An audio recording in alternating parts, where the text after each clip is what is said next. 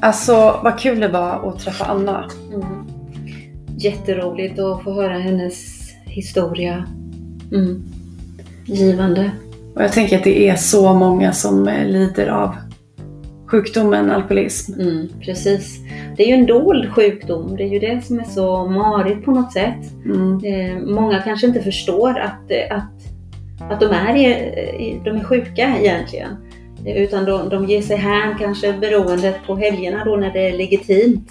Eller hur? Man jobbar hela veckan och sen så ska man ta någonting både fredag och lördag och, och förstår inte konsekvenserna det för med sig. De ser ju inte det.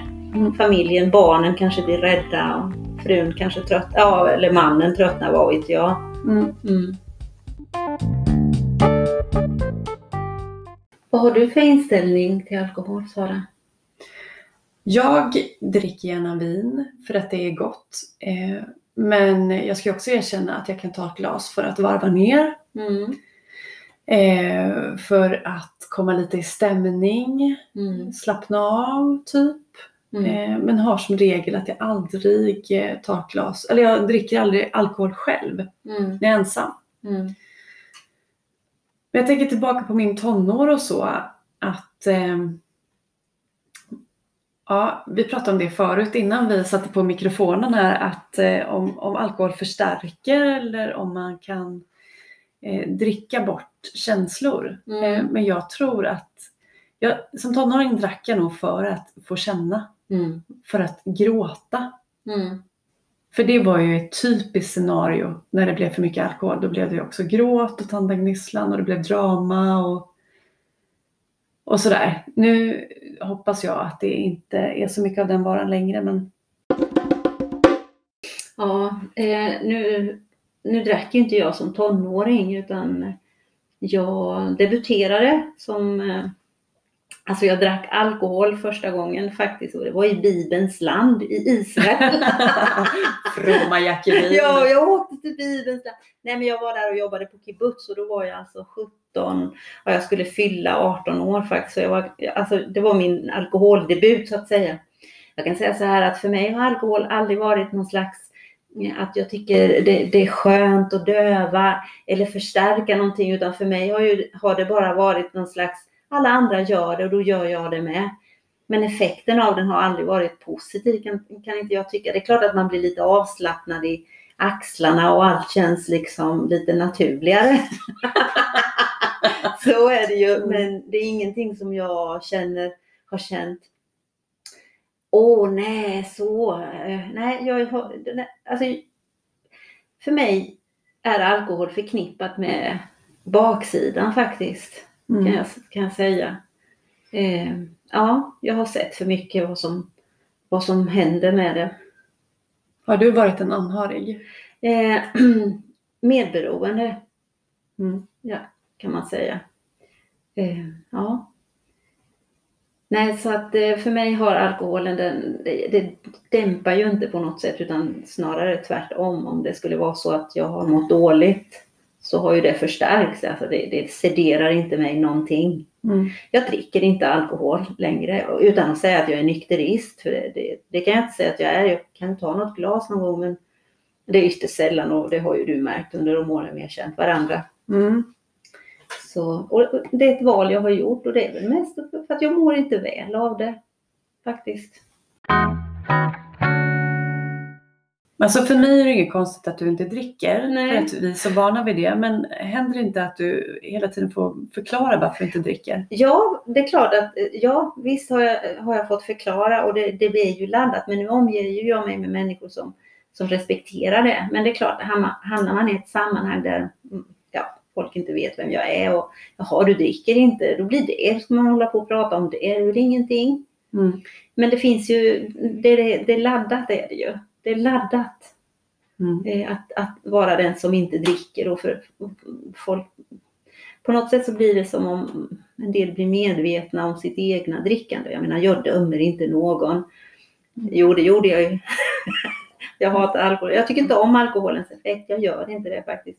Det är inte roligt när folk börjar sluddra och, och, och, och säga saker som de inte kommer ihåg sen. Eh, Mm. Jag behöver inte alkohol för att bli glad, för att dumma mig. Jag kan dumma mig så väl utan. Ja, men folk får göra vad de vill. Men bara det inte drabbar barn och anhöriga tycker jag. Jag tycker att de som vill dricka och hålla på kan ju låsa in sig någonstans och dö i det då. Jag, tycker, jag kan tycka att det är jättebesvärande om man är ute. Eh, det kan ju räcka med att man bara går ut och äter eller tar ett glas och där så är det alltid någon som blir för full Ja, visst är vid det. bordet bredvid. Ja, visst är det. Och det var ju någon gång som vi var ute du och Ja. jag och det kom fram en, Ja. en man Ja. och jag hörde inte vad han sa. Nej, men jag hörde vad han Du sa och han var hörde. snygg. Det var ju därför jag hade, jag spände öronen. Han var så onykter. Men han, ändå stod han ju på benen och kunde se stilig ut. Och jag tyckte liksom det och du bara, alltså, vad är det här? Men jag kunde tolka honom. Du förstod precis vad han sa. Ja.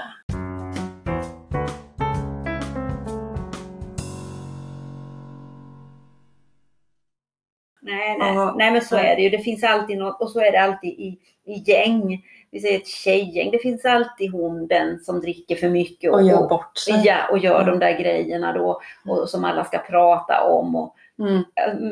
Men blir det så att den slutar dricka, ja men då blir det någonting. Va? Så, ja, Mm. det, det är en rundgång kring det här med, med drickande tycker jag. Mm. Nej, jag tycker inte om det. Det är lika bra som... Nej, det finns annat. Mm. Man kan bli hög av glädje, av, av att må bra. Mm. Det kan man få en kick av tycker jag. I nästa avsnitt så ska vi prata om eh, ett annat slags beroende. Medberoende. Och det är ju faktiskt också ett beroende. Mm. Alltså att eh, s- eh, eh, smita eller fly ifrån sina känslor och sig själv genom att engagera sig i en annan människa eller i andra människor. Mm. Och det i sig blir ju alltså en, en nedsjukdom kan man säga till, ett till någons beroende. Mm. Eh, hur man nu ska förklara. Ja, Fast det behöver ju inte vara någon annan som är beroende. Alltså, man behöver ju inte vara medberoende till en alkoholist eller Nej. till en narkoman utan det kan ju vara likväl eh, någon eh, där det handlar om psykisk ohälsa eller någon dysfunktionell eh, relation. mm, absolut. Och det har ju jag erfarenhet av. Jag är uppvuxen i en dysfunktionalitet som heter duga. Men det ska Mm. vi inte gå in på. Nej, det ska vi ta lite senare.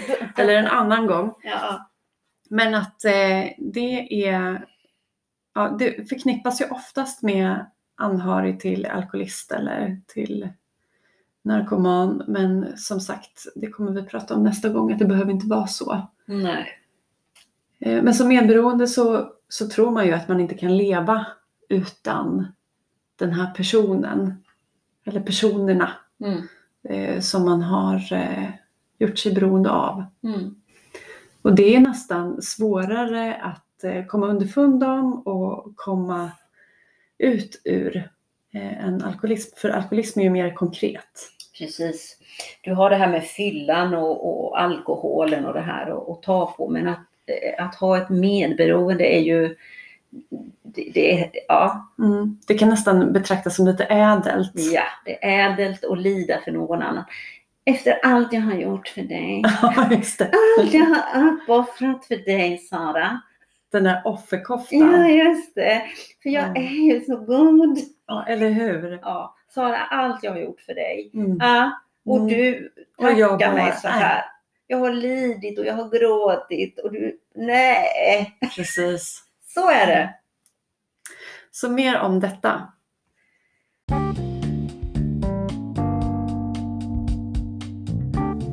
Tänk vad intressanta saker vi har att säga, Kelin. Alltså det, jag, jag är imponerad. Jag är imponerad Av mig själv. av mig själv och, och dig själv.